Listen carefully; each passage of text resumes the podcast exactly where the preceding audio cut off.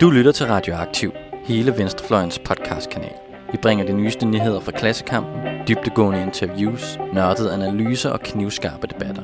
Hvis du kan lide, hvad du hører, så husk at følge os på SoundCloud eller din podcast-app, og du kan også smide et like på vores Facebook-side. Så læn dig tilbage, knap bukserne op og nyd en varm kop Rød Radio. Vi vil gerne er der engang byde velkommen til Op i røven med Patriarkatet. Jeg hedder Linda Nørgaard, og jeg er blandt andet gymnasielærer og forfatter, og så er jeg medlem af Enhedslisten, og som sædvanligt er jeg sammen med Anna Overlund, SF'er, bibliotekar, muligvis feminist killjoy, det må vi finde ud af i løbet af programmet, øhm, tantehumor og mom jokes. Ja. Hvad i alverden er det, Linda? Jamen, det er først og fremmest den titel, vi har valgt til dagens øh, episode. Og, øh, og den titel udspringer af en øh, frustration, som jeg i hvert fald har, som går på, at øh, jamen, altså, vi har nogle, øh, nogle modsatte ord, kunne man sige, som hedder onkelhumor, eller på engelsk dad jokes. Alt, hvad jeg synes er sjovt på den platte måde, det bliver ofte taget fra mig, fordi jeg ikke er inkluderet i ordet. Sådan har jeg det personligt. Jeg elsker øhm, det, som, som ofte bliver beskrevet som ordspilsvittigheder, platte øh, øh vittigheder osv. Og så bedst, som man har sagt noget virkelig sjovt, eller deltaget noget virkelig sjovt, så bliver det kaldt for onkelhumor. Og altså, i min idealverden, så havde vi slet ikke de her kønnede ord, tante og onkel, men, men nu hvor vi lever i den verden, hvor sådan nogle ord eksisterer, så er jeg bare ikke inkluderet nok i ordet onkel, til at, at jeg synes, at, øh, at, at det ord er beskrivende. Det er en utrolig ærgerlig diskurs, som reinforcerer noget, som er meget større, nemlig at øh, kvinder ikke har humor, eller i hvert fald ikke så meget som mænd. Øh, så det er det, jeg synes, det skal, skal handle om i dag, og jeg synes, vi skal tage udgangspunkt i ordene, og så håber jeg, at vi når omkring nogle forskellige aspekter af det her med, med humor, en feministisk vinkel på det. Fantastisk. Humor. Hvad sjovt. Hvad, hvad har været sjovt? Vi har masser af humor jo. Ja, jamen, vi, det er jo fantastisk. Det er jo, øh, som I kan fornemme, så, øh, så er vores øh, tonefald også en del af vores humor fra tid til anden. Det, det gør man også brug af. Jo, men altså selvom vi selvfølgelig er meget seriøse og aldrig for eksempel ironiske. Nej, det kunne vi ikke finde på. Så, så man kan sige, hvor står vi henne rent humormæssigt i 2019? Jeg synes, vi står et, øh, et ærgerligt sted, når vi kalder øh, ting som, som bare sjove, eller platte, eller dårlige vittigheder, såkaldt dårlige vittigheder, for noget øh, for, for onkelhumor, når det lige så godt kunne være tantehumor. Det synes jeg virkelig er voldsom øh, diskrimination af alle de platte tanter. Og jeg synes, og på engelsk selvfølgelig alle de platte mødre. Fordi selvfølgelig er tanter øh, og, og, og folk, der ikke hverken er tante eller onkel, lige så platte som tanter og onkler, øh, og det samme gælder moms og dads øh, øh, på engelsk. Så skulle vi ikke nok holde op med de ord, pretty please, with sugar on top, og så videre. Bortset fra det, så synes jeg, at vi står et, et spændende sted. Det er fordi, jeg synes, at den her tid generelt er et, et vadested for værdier og identitet i meget, meget bred forstand, og der synes jeg, at humor spiller en, en væsentlig rolle. Vi kan godt blive enige om, at der var nogle ting, som vi aldrig har syntes var sjove, men som andre mennesker har syntes var sjove, og som har fyldt meget i øh, det underholdningsmæssige landskab, øh, ja. som, som der er, trods alt er en almindelig anerkendelse af ikke er sjov længere. Ja. Dumme, meget sexistiske, meget racistiske såkaldte vittigheder er en smule ved at gå på pension, selvom der stadigvæk sidder mange rester hos nogle øh, danske stand og, og dumme filmproducenter. Så, så er der altså nogle ting, som... Altså, jeg tror ikke, der er ret mange, der sådan rigtig synes, blondinevittigheder er sjov længe. Altså, længere. Nogen, ja, men ikke i nær samme omfang som engang. Nej. Hvad Men tænker det, du? Altså, det jeg tror ikke, sådan noget som blondinevittigheder, og øh, du ved, de der sådan mm, klassiske, der er, der, er, der er navn på dem, vittigheder, altså, det ved jeg ikke, er døde baby jokes sjove? Nej, jeg vil sige, jeg synes, og det var en diskussion, jeg havde her for nylig, jeg synes faktisk, at oceaner er det stadigvæk okay at gøre grine med. Jeg har selv været i en, en del år. Øh, og så længe det, det er sådan noget, så er det måske okay. Okay. så længe det er sådan noget... Øh, altså, hele pointen er faktisk i virkeligheden også, øh, og det kommer vi også ind på, på senere, hvem det sparker imod, og, og, og hvordan, hvor frit ens tilhørsforhold til gruppen er. Ja, lige præcis. Hvor, hvor meget det låser ens identitet. Ja. Jeg tror, noget af det, som, øh, som jeg umiddelbart tænker rigtig meget over i min hverdag, i hvert fald i forhold til humor, i forhold til, hvad der var... Øh... Du er bibliotekar, Ja. så er man ikke sjov. Nej, nej, nej, Det- nej, nej. Jeg, vi, vi er hammerskrabe alle sammen. Og, øh, jeg er latinlærer. ingen- Det er lidt ingen det samme, faktisk. Ja, der er ikke... Puha. Det, det, det, kunne vi ikke, det kunne vi ikke finde ud af. Altså, du ved, bag lukkede døre, naturligvis, men ikke ud i, ud i offentligheden på den måde. Øhm, Nej, men jeg tror noget af det, der sådan slår mig, når jeg sådan kigger tilbage på, øh, på humor og på, nu nævnte du, øh, hvad det hedder, blondine jokes, men der er også, du ved, de fantastiske jokes om, øh, hvad det hedder, hvor dårlige kvinder er til at køre bil og sådan noget, som også er, du ved, Ja, jeg ruller med øjnene. Det kan man Ja, nok ikke høre man- i podcasten. Men jeg tror, noget af det, der sådan ligesom jeg får det til at give, give sig i mig, det er det der med, at man også i dag får, har fået gen, gendrevet nogle af de der repræsentationer i, øh, i memes og i billeder og, og så videre, hvor at, at det bliver øh, en referenceramme, som så kommer til at ramme bredere. Øh, jeg tror, altså jeg synes nogle gange, at man tager humoren ud af situations, situationel øh, sjove ting, men som så bliver generaliserende, når man sætter det på et meme, eller når man sætter det på, på øh, repeat på DVD'en, eller hvad vi nu er ude i. Altså, hvis jeg er øh, pisse dårlig til at parallelparkere, øh, det er jeg. Jeg var virkelig god, da jeg fik kørekort, men jeg er ikke øh, efter et par år som øh, københavner, øh, specielt god til, hvis jeg sidder i en bil og laver en joke sammen med dem, jeg sidder sammen med, om at, oh, jeg skulle skide dårligt til det med at parallelparkere og så videre, øh, så er det situationelt sjovt. Det er relationsbordet, det jeg siger til de mennesker, jeg sidder sammen med. Det, og det handler om, øh, hvad det hedder, ikke at udstille en gruppe, men at have en relation til dem, jeg sidder sammen med.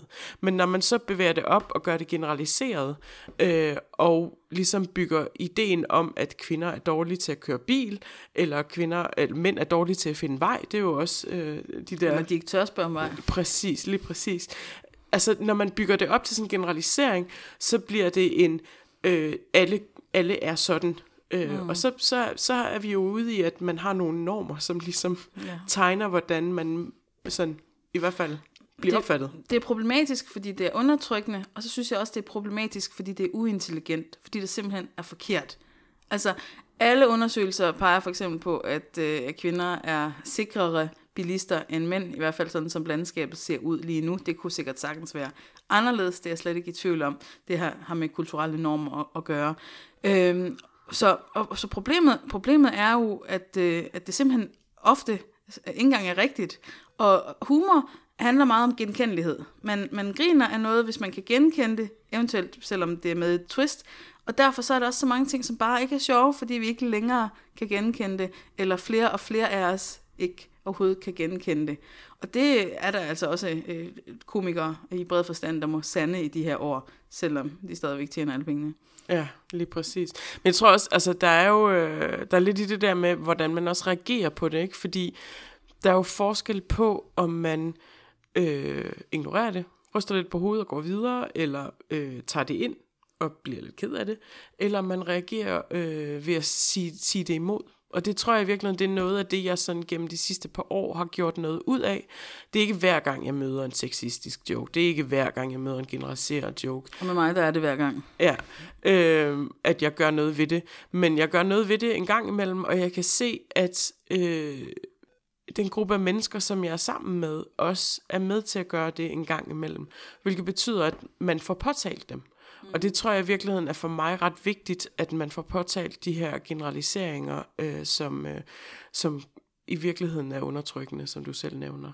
Jeg tror, en af de virkelig store ting, der sker i de her år, hvis vi skal tage de positive briller på, det er muligheden for, ja, som du siger, påtale, eller det, det engelske, den engelske term call-outs. Mm. Altså, at det, at det er mere og mere okay at sige noget. Jeg får lyst til lige at, at nævne noget, som, som så meget har det heller ikke med humor at gøre, men som er et alle tiders eksempel på, hvor vi står henne. Jeg ser ikke øh, X-Factor, men jeg kan godt lide at læse øh, nogle øh, tabloidaviser en gang imellem. Og det, jeg kunne forstå, at her for, for ikke så lang tid siden, der var der en episode i selve live-udsendelsen X-Factor, hvor Thomas Blackman ville øh, gøre et eller andet dumt med at sende en deltager hjem med et såkaldt dødskys. Altså han man simpelthen kysse dem, der så skulle stemmes ud af konkurrencen, eller hvordan det nu fungerer. Og hvor Sofie Linde, som er vært, så går ind, ifølge artiklen, og stopper ham i det og siger, at det gider jeg simpelthen ikke have. Det er langt over grænsen, det der. Og, og den, at, at hun får lov til det, og han faktisk øh, tager det til sig, og, og hun får, får forbedret situationen ved at gribe meget voldsomt ind, øh, og at hun så bagefter faktisk mest roses for det, hvor hun nok før i tiden aldrig ville have fået lov, eller ville være kritiseret for det, synes jeg siger meget positivt om, om de nye muligheder, der nok i virkeligheden først er ved at opstå, og som er blevet... Øh, altså som er, som er blevet tydeliggjort med, med MeToo-bevægelsen, men som jo selvfølgelig ikke er født af det. Mm. Og det er jo også det, altså ordet killjoy, som jeg nævner i, i, i starten, ja. det er jo også altså netop baseret på det der med, at hvis du siger nej til øh, humor, øh, en bestemt type humor, så er du ikke sjov. Og der er mange, som har holdt deres kæft, som du var inde på, for den gode stemnings skyld. Altså Præcis. man har ikke ville være en lyseslukker, slukker, undskyld, en, en killjoy mm. øh, tidligere, men, men nu er vi, kan vi godt flere og flere os indse, at vi er nødt til at dræbe noget øh, hygge en gang imellem for at komme videre. Men det er, også, altså det er jo netop fordi humor er så relationsbordet. Det er, det, det er i hvert fald, det tror jeg i virkeligheden, det er det, der ligesom ligger mig nært at, at forklare, øh, når jeg siger, at det der, det synes jeg er over grænsen. Det er, at, at det, dels fordi det gendriver nogle ting, men også fordi, at, at det er en relation, jeg ikke synes er rar. Jeg synes ikke, det er en rar måde, at vi snakker med hinanden eller om hinanden på. Øh, og det tror jeg i virkeligheden, at, at vi skal have rum til at sige, og det, ja, som sagt, det, det, øh, det er vi ved at have rundt omkring. Altså når der kan være uenighed om, hvad øh, der er sjovt, for eksempel, jamen, så har det måske også med, øh, med, med tryghed at gøre, ikke?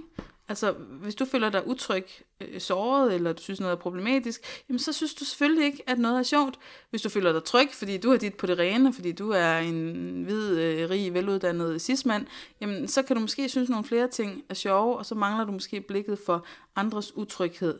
Øhm, altså, og, og jeg synes, vi har virkelig et problem med humor, som mangler omsorg. Mm. Altså, det betyder ikke, at den ikke må være grov. Jeg synes, den gerne må være ekstremt grov i nogen sammenhænge, bare det ikke sådan, er, er på den der sårende måde. Altså mm. det, det, det, det, jeg synes ikke, det er svært at finde en balancegang, faktisk. Men, men det er der rigtig mange øh, komikere, der til synlædende ikke kan finde ud af. På den danske humorscene, der er der jo på det seneste sket øh, for det første rigtig meget ved, at der er fremkommet nye typer af humor, men også, øh, altså lige her for relativt nylig, så er der jo øh, to af de absolut vigtigste kvindelige komikere, som vi har, som har simpelthen har trukket sig fra den danske øh, stand-up, den danske komikscene, og siger, at det gider vi simpelthen ikke være med til mere. Altså, det gælder Sofie Hagen og Sanne Søndergaard, som begge to relativt, med relativt øh, kort afstand imellem har været ude at sige, at, at det ikke gider være en del af den danske øh, stand-up scene mere. Jeg synes, det er interessant, når Sofie Hagen siger, at, øh, at hun, hun bor i London, og at, øh, at det trods alt er anderledes i London i England, øh, end i Danmark. Det synes jeg, vi skal tage til efterretning mm. på det nationale plan. Øh, og Sanne Søndergaard, jamen, altså, hun har virkelig stået på øretævnes holdeplads og været udsat for utrolig meget. Altså ikke, at andre ikke også har det, men hun har været meget tydelig øh, omkring det. Og, og alligevel så, så, så gider hun ikke mere. Nu vil hun noget andet. Nu prioriterer hun øh, noget andet, så, så vidt jeg forstår hendes udmelding. Ikke? Jamen, jeg tror, noget af det, jeg også, øh, jeg følger Sofie på, øh, på Instagram, har, har læst hendes, hendes opslag, som egentlig var det, hvor hun sådan ligesom kom ud med beskeden om, at nu var det de sidste, hvad det hedder... Optrædende på dansk hun, grund. Ja, lige præcis. Og at hun, øh, hun ville øh, trække sig tilbage fra, fra den danske scene. Og noget af det, hun skrev, var netop, at øh, hun var træt af, at øh, journalister hele tiden søgte konfrontationen når de skulle beskrive hendes sæt. Det handlede hele tiden om hendes størrelse og om, øh, hvad der sådan ligesom var, var, var på beding i, i form af sådan øh, konfrontationshumor. Ja. Og det tror jeg i virkeligheden er et problem, fordi så, så bliver du bare meget, meget låst. Altså det, nu snakkede vi i sommer, så snakkede vi om, om Nanette-sættet, øh, mm. som jo også altså er øh, lavet af som, som udgangspunkt, og hvis du ikke har set den endnu, så skal man Han er Gatsby, jeg tror stadig, den er på Netflix. Lige præcis. Øh, men, men Hanna, hun lægger jo ud med den samme setup, som hun altid har gjort, som er humoren, og så bringer hun det ind i et seriøst rum. Øh, men det er jo humoren, der har båret hende frem i mange år, og det tror jeg også, altså, på et eller andet tidspunkt, så bliver man nødt til at finde ud af, er det det rette redskab? Øh, og det tror jeg måske, Sofie har, har indset, at, at hun kan gøre nogle ting i London, og arbejde med nogle ting der, men, men, men i Danmark møder hun en mur. Det er i hvert fald det indtryk, jeg får både af, af hende og Svend Søndergaards udmelding. Og det handler også om, hvem der har magten over scenerne. Og der kan man sige, i stand-up sammenhæng, jamen der er det nogle bestemte scener, nogle bestemte steder, man kan komme til at optræde. Det kan være alt fra øh, et, et venue til et tv-program. Øh, og, og på det store plan, jamen så handler det også om, hvem der faciliterer mulighederne for, at man gør nogle ting. Øh, altså hvem der laver reglerne, for eksempel hvem der ansætter og så videre, mm. øh, og hvem der lukker folk ind i sociale rum, netværksrum, øh, i sådan mere bred forstand, ikke? Jeg tror også, det er lidt, altså fordi det er lidt svært at finde ud af, hvordan man, altså det er jo kulturændring, ikke? Hvordan, hvordan korrigerer vi for det her, så vi har et rum, hvor øh, komikere som Sofie og Sanne kan, kan have øh, mulighed for at udfolde sig. Øh. Altså, de har jo sådan set haft masser af mulighed for at udfolde sig, fordi de faktisk har, og kæmpe, kæmpe ros for det, har fået opbygget et stort publikum. Øh, altså netop, men, men jo primært dem, som, øh, som har en, i hvert fald en høj grad af enighed med dem. Øh, fordi det er, jo, det er jo meget, altså man skal være lidt enig med en komiker for at synes, at vedkommende er sjov. Ja. Øh, så nogle gange så kan man sige, okay, jeg ser igennem fingre med 10-15 procent af, af deres mærkværdige oplevelser, som er anderledes end mine. Men, men, altså, men man skal man skal føle sig spejlet, sig. Ikke? Man skal føle sig spejlet i et vist omfang. Og selvfølgelig vil man også gerne inspirere sig af noget, der ikke spejler en. Ja. Men, øh, øh, men, men grundlæggende, ikke? Så derfor, de har fået opbygget et publikum. De har kunne, kunne klare sig Øh, altså de har kunne se, øh, til køre for, nok til, ja, ja. masser af billetter og, og, og køre for, for udsolgte huse og så videre. Men, men hele de sådan, så vidt jeg forstår, de sådan øh, ydre omstændigheder, dels medierne og dels resten af scenen, det har simpelthen gjort det for surt, i hvert fald i Danmark.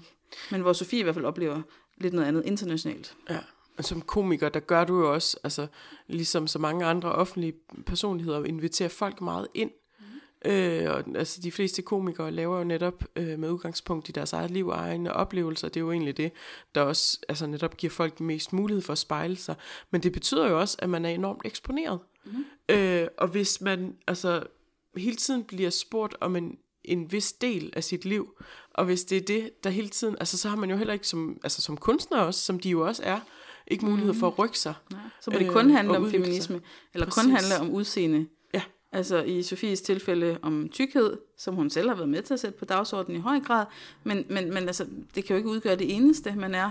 Og i Sandes tilfælde øh, nogle andre ting, øh, som hun også selv for så vidt har, har bragt til torvs, men, men som, som så får et entydigt fokus på en, en meget irriterende måde, og det forstår jeg virkelig godt. Det er ikke kun irriterende for, for de berørte, men også for, for alle os andre, mm. at det skal være sådan, ikke?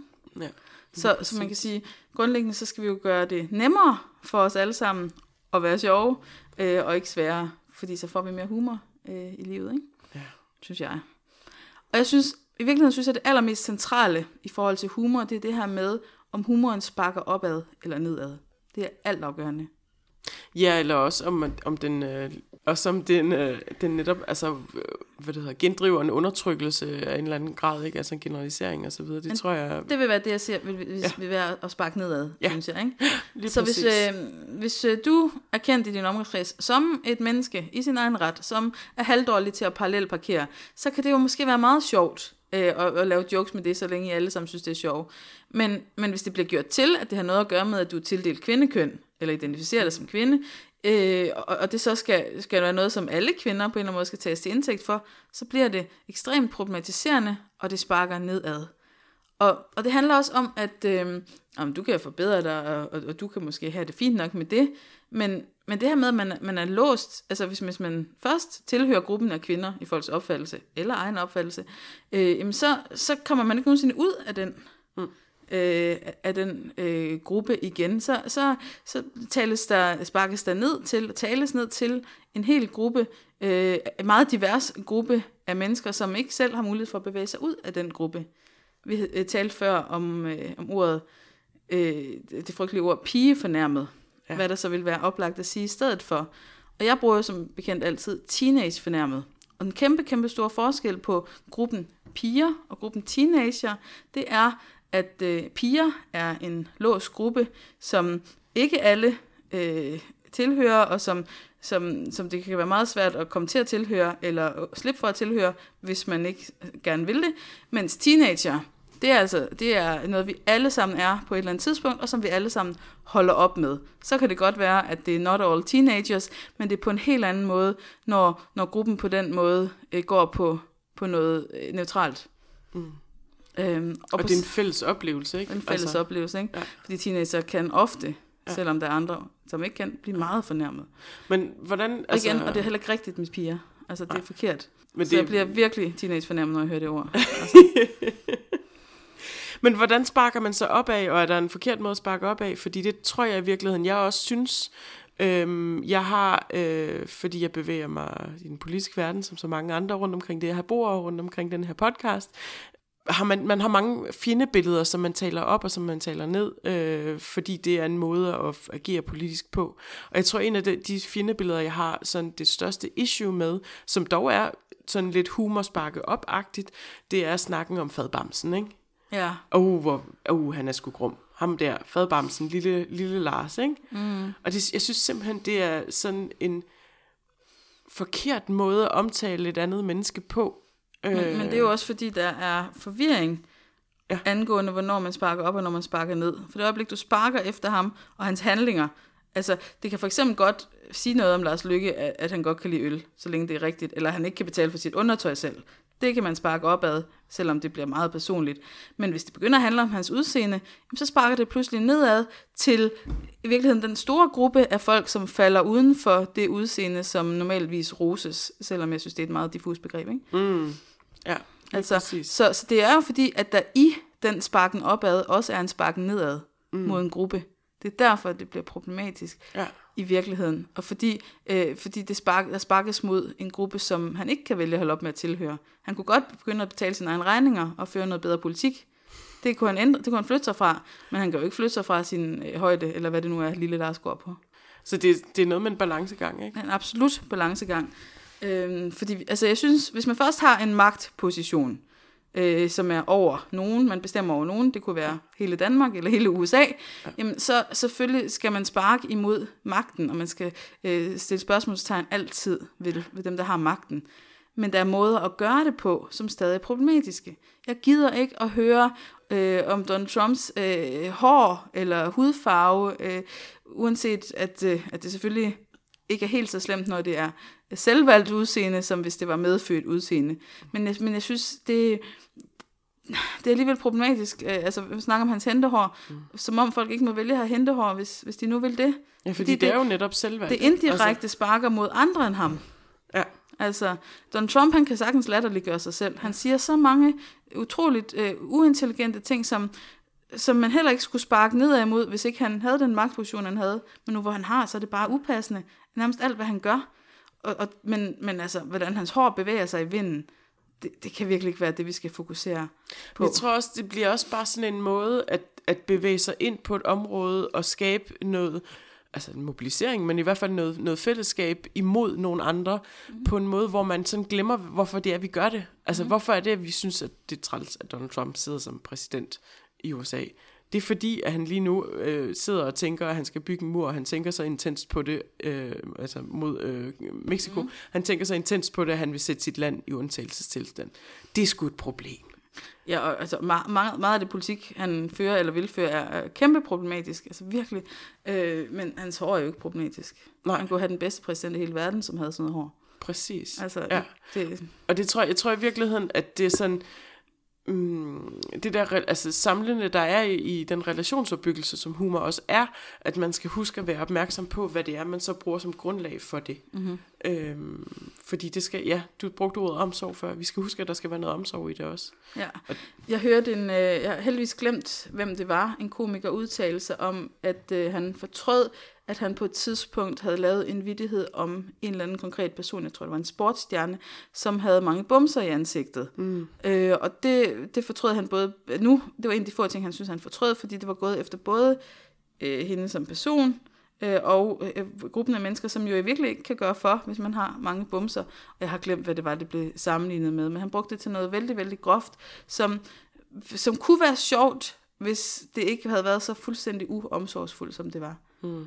Øh, fordi fordi hvis, hvis, hvis, det var, hvis det var renset for øh, faste forståelser øh, af at det, det, altså, øh, udskamning og så videre og, og nedgørelse, jamen så, så kunne den sådan overfladiske lighed øh, måske være meget sjov. Men det er den bare ikke længere, så længe den, den fører et lag med sig af, af udskamning og nedgørelse. Mm. Så negativ relationsopbyggelse mm. er egentlig ret træls. Ja, ja det er det.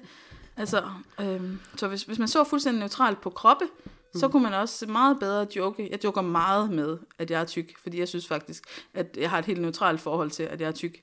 Ja. Og derfor så, så, så kan man lave mange vidigheder med det, og hvis jeg sætter mig på det der, så brænder det sammen. Det kan være virkelig sjovt for mig, fordi men, det er en af de ting, der er med mig. Ja. Fint nok. Men, men det skal ikke gøres til noget generelt, og fordi øh, tykkhed opfattes negativt, så bliver det rigtig problematisk, hvis andre gør det mod mig. Så, så man kan sige, jamen så hvad er virkelig sjovt? Jeg synes jo, der er mange ting, der er sjove. Jeg synes virkelig, jeg har masser af humor. Øh, og jeg synes, øh, altså det, som gør ting sjove, er meget ofte intelligens, og som vi snakkede om, genkendelse. Også tryghed. Selvfølgelig ikke kun, fordi man, man skal ikke kun have tryghed, hvis, øh, hvis noget skal være sjovt. Og jeg elsker jo som sagt ordspilshumor. Altså tante øh, vidigheder, ikke? Mm. Altså, det er um, sådan virkelig platte ordspil, men også intelligente ordspil, og det er også ofte også et samspil, hvor et ordspil tager det næste, eventuelt hvor man spiller sammen med andre personer, men altså den her, den her hvor man kan håndtere, at øh, et, et ordspil bliver til et andet, og så er der et andet ordspil, og så videre, og så videre. Så det kan blive en lang, vidunderlig sekvens, det synes jeg næsten er den bedste humor. Og så er altså det, der udstiller magten. Altså det, som, som virkelig nailer for at sige, bruge et dejligt internationalt mm. udtryk, et eller andet med, øh, hvor forkert noget har været, eller hvor mærkeligt noget er. Ikke?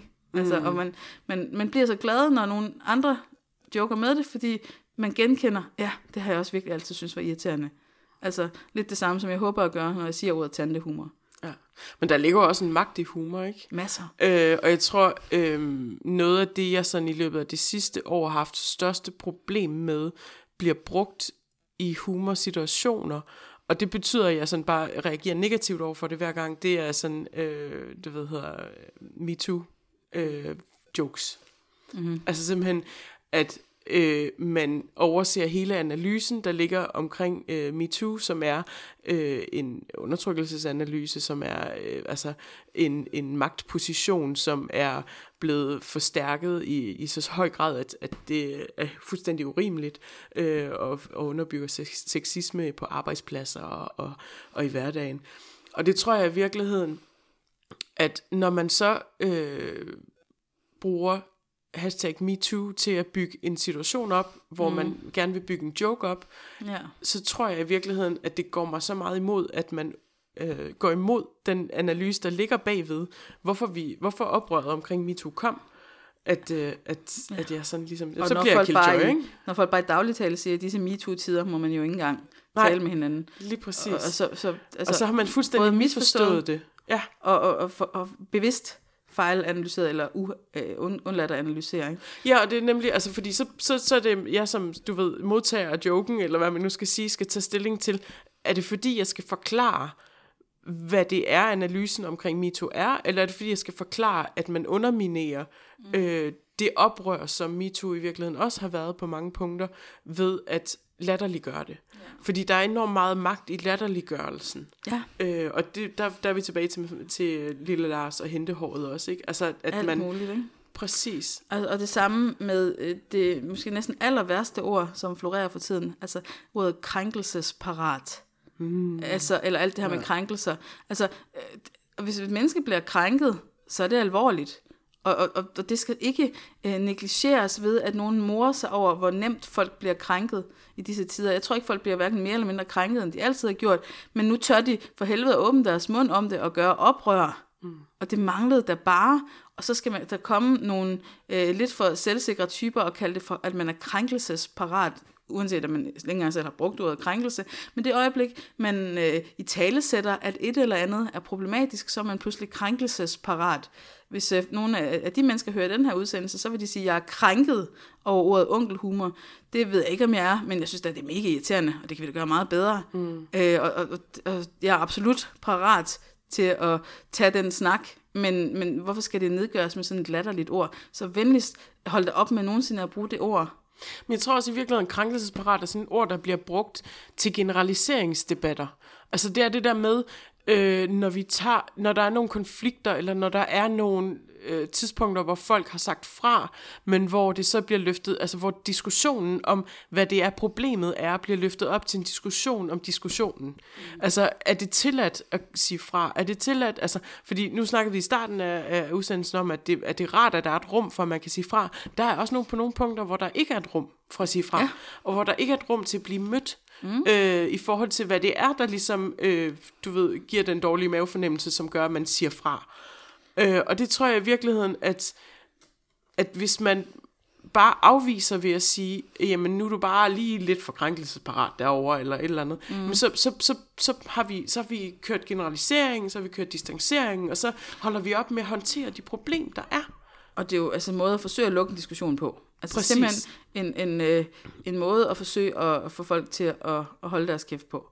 Og det er ikke okay, det er en undertrykkelsesmekanisme, en herskerteknik, øh, som, som, som vi simpelthen er nødt til at imødegå, når vi ser den, når vi møder den. Ja, lige præcis.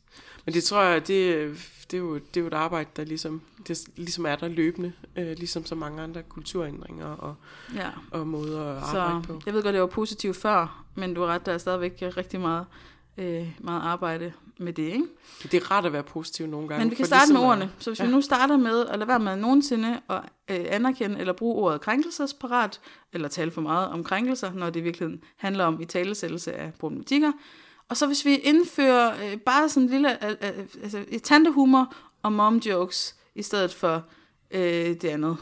Så kan det være, at øh, når nogen har hørt det nok, de så får lyst til at, at gøre det ukønnet. Det vil være vidunderligt. så må vi digte et nyt ord i den. Ja, det vil så være som, øh, som sådan et lille oprør mod øh, kapitalismen og patriarkatet, så lad os, øh, lad os tale mere om, om tantehumor. Ja. Og gøre det lidt nemmere at være en virkelig plat tante. Ja, så en lidt blød udgave i, øh, i op i røven med patriarkatet. Og, og op i røven med onkelhumor og dad jokes. Ja.